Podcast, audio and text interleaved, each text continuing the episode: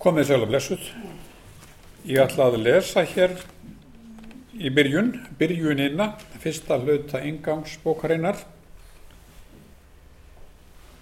Hafa hlutinnir einhverja merkingu í sjálfum sér? Eða er merkingin tilbúningur sem við sjálf erum ábyrg fyrir? Hefur lífið í sjálfum sér einhver tilgang? Eða er það í raun og veru tilgangslös barátta sem stefnir ekki að neinu öðru en því að eigða orku og láta eitthvað gerast. Fyrir spurninguna mætti einfalda með því að spyrja, lítur veruleikin reglun og skipan sem við getum gert grein fyrir með tiltaknum hugtökum. Setni spurninguna um tilgang lífsins mætti einnig umorða og spyrja hvort rétt sé að líta svo á að tilgangur lífsins sé breytilegur eftir því hvaða tækifæri eða tilefni gefast fyrir þróun lífsins við þær tilviljana kendu aðstæður sem skapast í veruleikanum. Búa í lífinu sjálfu öll sem stýra því á vit einhvers tilgangs. Til dæmis þess að þroska heið andlega líf umfram heið efnislega eða að búa til veruleika á borð við þekkingu sem virðist af öðru tægi en allt til efnislega sem við þekkjum á reynslunni. Þessar tvær spurningar eru samofnar ef ekki sama spurningin þegar allt kemur til alls. Þegar áhugi minn á heimsbeki vaknaði á unglingsárum fekk ég um leið ákveðin svör við þessum spurningum. Svörin voru skýr og einföld. Hlutinnir hafa enga merkingu í sjálfum sér Lífið á sér engan ákveðin tilgang. Það er okkar verk að glæða hlutina merkingu og gefa lífinu tilgang.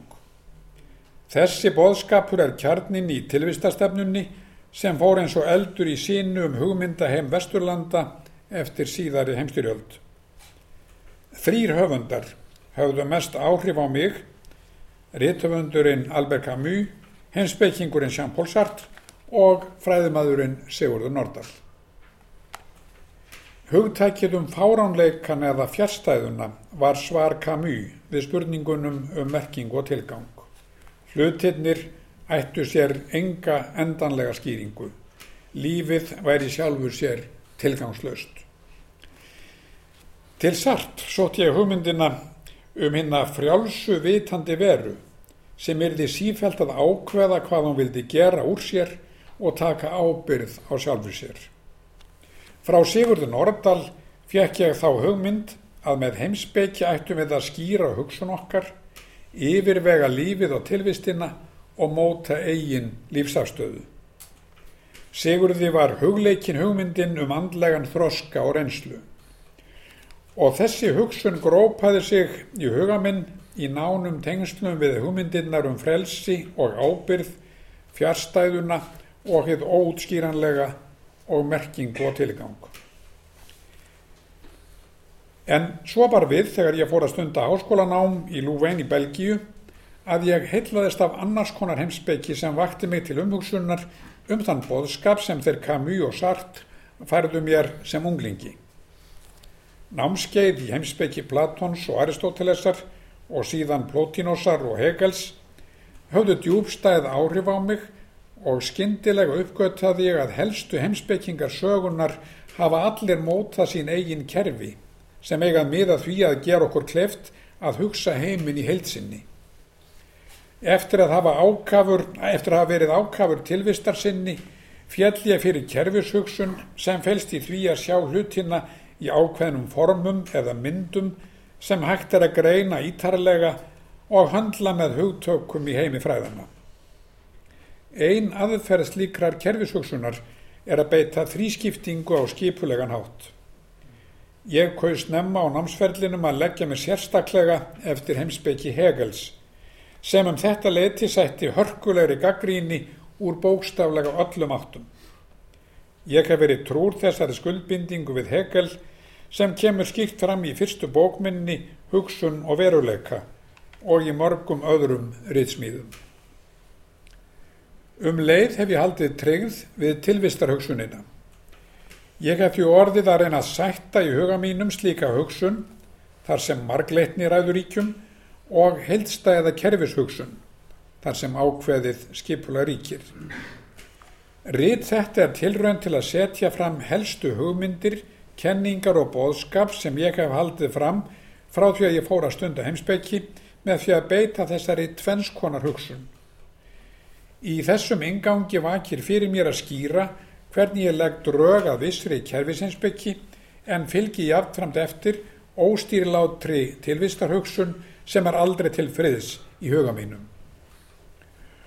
Óstýrilæti virkar á mig á tvo vegu. Annars vegar með því að magna sífælt upp spurningarnar um hið undraverða og ómetanlega í tilvörunni. Og hins vegar með því að hvetja óspart til gaggríni á hugsunarhátt okkar og gildismat. Kerfishugsunin hefur síðan það hlutverk að koma böndum á óstýrilætið með markvisri greiningu spurninga, hugsunarháta og mælikverða. Óstýrilætið á sér rætur í þrennskonar bernskureynslu sem margir hafa orðið fyrir. Fyrsta atriðið er sjálf upplifun náttúrunnar og þá sérstaklega hímingeimsins. Til dæmis úr einsla sem margir þekkja að liggja á bakinn og starra upp í híminin, horfa á stjórnunnar og spyrja sig hvar endar heimurinn eða á hann sér engin endimörk og hvað merkir það ef við búum eða búum við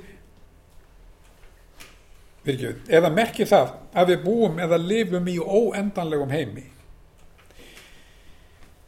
Vafalust hef ég ekki orðað þessar spurningar nákamlega með þessum hætti, en einhvern veginn lifir í huga mér minningin um að heimurinn sé í einhverjum skilningi afmörkuð heild og að utan hennar sé eitthvert heildýpi sem við náum ekki að höndla í huganum.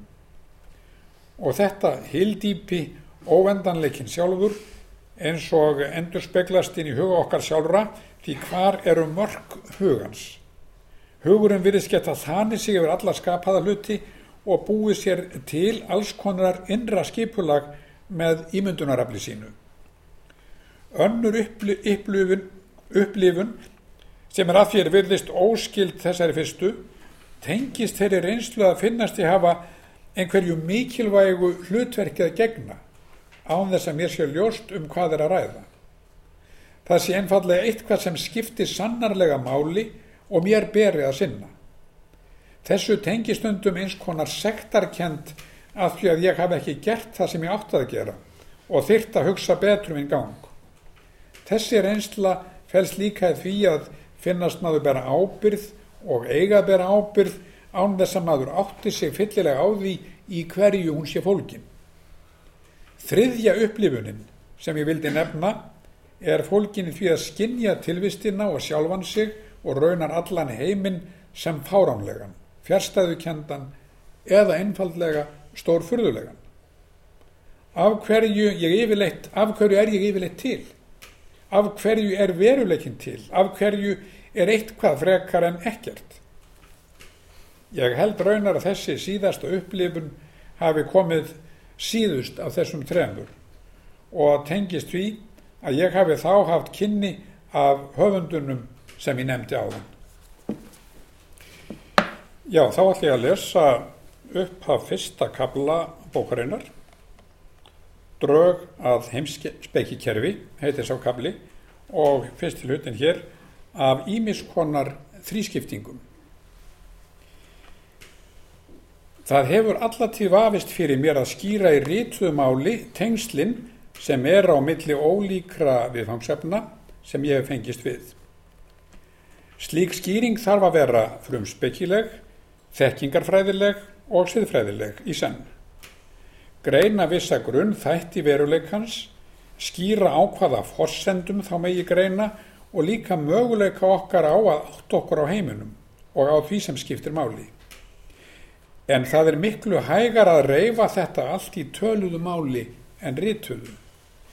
Í rítmálinu frjósa samstundis fastar ímsar lausar tengingar sem aður getur left sér að gera í huganum, í fyrirlestri eða í lifandi samræðu.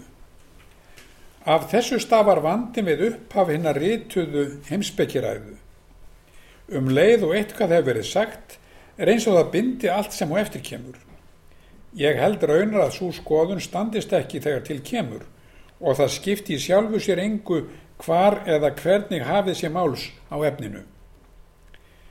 Hugsunin er kindug höfðuskefna. Fólk hugsar vitandi vits og óavitandi og hvort sem því líkar betruð að verð. Það leiðir hugan að öllum milli hímins og jarðar, gerir sér hugmyndir um alla skapaða hluti og myndar sér skoðanir á hverju sem vera skal, jafnvel á því sem ekkert er. Hér vaknaði mínum huga þrjár höfðuspurningar. Fyrst nefn ég þessar spurningar og hvernig mér virðist eðlilegast að leita svara við þeim, síðan ger ég nánari grein fyrir hverju þeirra um sig. Hinn fyrsta er, er und að gera sér grein fyrir því heilsinni sem leitar á hugi fólks eða eru umhugsunarefnin algerlega sundurleit. Tilgáta mín er svo að það megi réttilega flokka öll hugsanleg umhugsunar eða áhyggjuefni í þrend.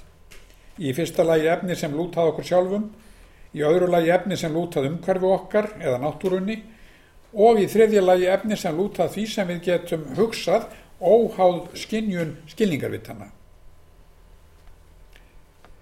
Önnur spurningin er þessi. Er und að gera sig grein fyrir því hvernig fólk hugsar um allt sem á hugaðess leitar eða er hugsun fólks öll á yði og ókleift að lýsa því hvernig hún vinnur? Hér er tilgáta mín svo að hugsun fólks drægi dám af þrennu. Í fyrsta lagi einkennist hún af lífstrá sem sveblast millir þess að leita öryggis og taka áhættu. Í öðru lagi ber hún æfinlega innkenni tiltekkinar menningar og félagslegra aðstæðina. Í þriðja lagi einkennist hugsunum fólks að vissum mótsögnum eða ósamkvæmni sem tekur á sig ólíkar myndir eftir tíðaranda og sögulegum aðstæðum. Þriðja spurningin hljóðar svo. Er und að vega og meta hugsanir fólks og hugsa skinsamlega um hvað sem vera skal? Eða er þetta vonlaus viðleitni? Hér er tilgáta mín svo að taka beri mið af þremur megin fórsendum. Í fyrsta lagi að það séu umhugsunarefnin sjálf sem gefu okkur viðmiðanir um það hvernig um þau ber að hugsa.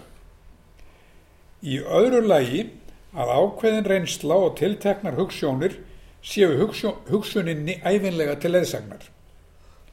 Í þriðja lagi að einungis með yfirvegun og agaður umræðu sé okkur kleift að móta áreiðanlega mælikvarða á gildi hugsana og skilja hvernig er verka til góðs eða íls.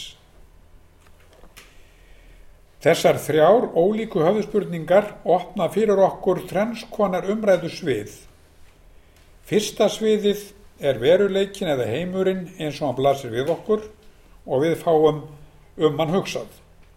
Annað sviðið er hugsunarhátturinn, hvernig hugsunin beinist að viðfangsefnum sínum. Þriðja sviðið er sambandi milli umhugsunarefnisins og hugsunarháttarins og hvernig þetta samband sjálft, samband hugsunar og veruleika megi vega og meta.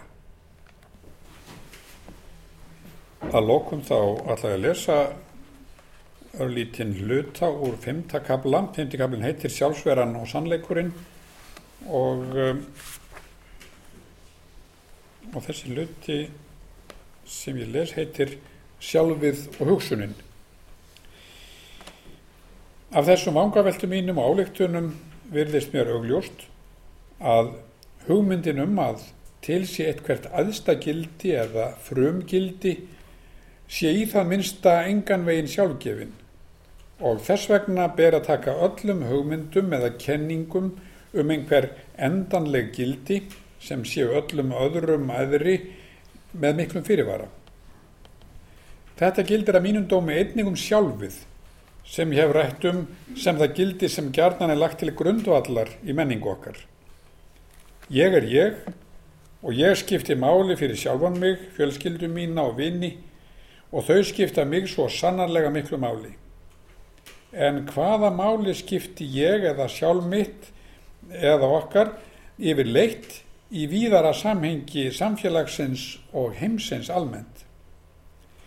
Hinn heimsbyggilega spurning er þessi. Hvaða máli skiptir sjálf okkar sem slíkt?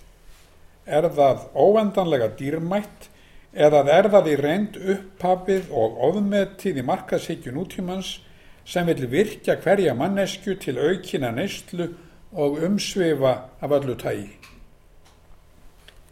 Hver er hún þessi vera sem segist vera ég? Er ávörpuð sem þú og talar fyrir okkar hönd og segir við? Um leið að við spyrjum hver við erum og hvernig við myndum samband við heiminn verður samstundis fyrir okkur personulega reynsla. Reynsla mína mér og þér, reynsla af samveruleika okkar, reynsla því að vera til og vita af sér. Og umfram allt annað, reynsla því að vita að maður veit af sér. Þetta síðast nefnda skiptir mestu máli þegar við leitumst við að skilja hvað það er að vera ég og hvernig samband ég mynda við heiminn. Þess vegna skulum við staldra við það. Það er ekki nóg með að ég viti af mér og viti líka af ykkur. Ég veit líka að ég veit af mér og að þið vitið af ykkur og líka af mér. Það er þessi reynsla, vitundar reynslan, reynsla vitund okkar sem liggur sjálfsvitund okkar til grundvallar, er sjálfsvitundin sjálf. Þetta er hinn mennska uppgötfun manneskjunar á sjálfur sér. Hvað segir þessi uppgötfun manneskjunar á sjálfur sér um það hver hún er? Nú ber svo við að heimsbyggingar frá dögum Sókratesar og Platons og fram á okkar daga eru ótrúlega sammálum eitt skýrt og afdráttarlöst svar. Uppgötfun manneskjunar á sjálfur sér segir enni að hún sé hugsandi vera. Hér höfum við ekki aðeins eitt af mörgum hugsanlegum, hér höfum við ekki aðeins svar, eitt svar af mörgum hugsanlegum við því hver hún sé þessi vera sem segist vera ég, heldur svar sem segir okkur samstundis hver veran er sem ég uppgötta þegar ég gerir mig ljóst að ég veit að ég veit af mér og þér og heiminum. Þá veit ég samstundis og án þess að þurfa vittnana við að þessi vera sem segist vera ég er hugsandi vera. Vera sem veltir vöngum yfir öllum milli hímins og jarðar, yfir mér og þér og heiminum í helsinni og lætur sér líka dreyma. Ímyndar sér allskins hluti, finnur til, tekur afstöðu og ákveður sig. Og umfram allt annað, hinn hugsandi vera spyr sig hvað er satt og hvað ósatt, hvað er rétt og hvað er ránt og hvað hún geti gert til að bæta heiminn.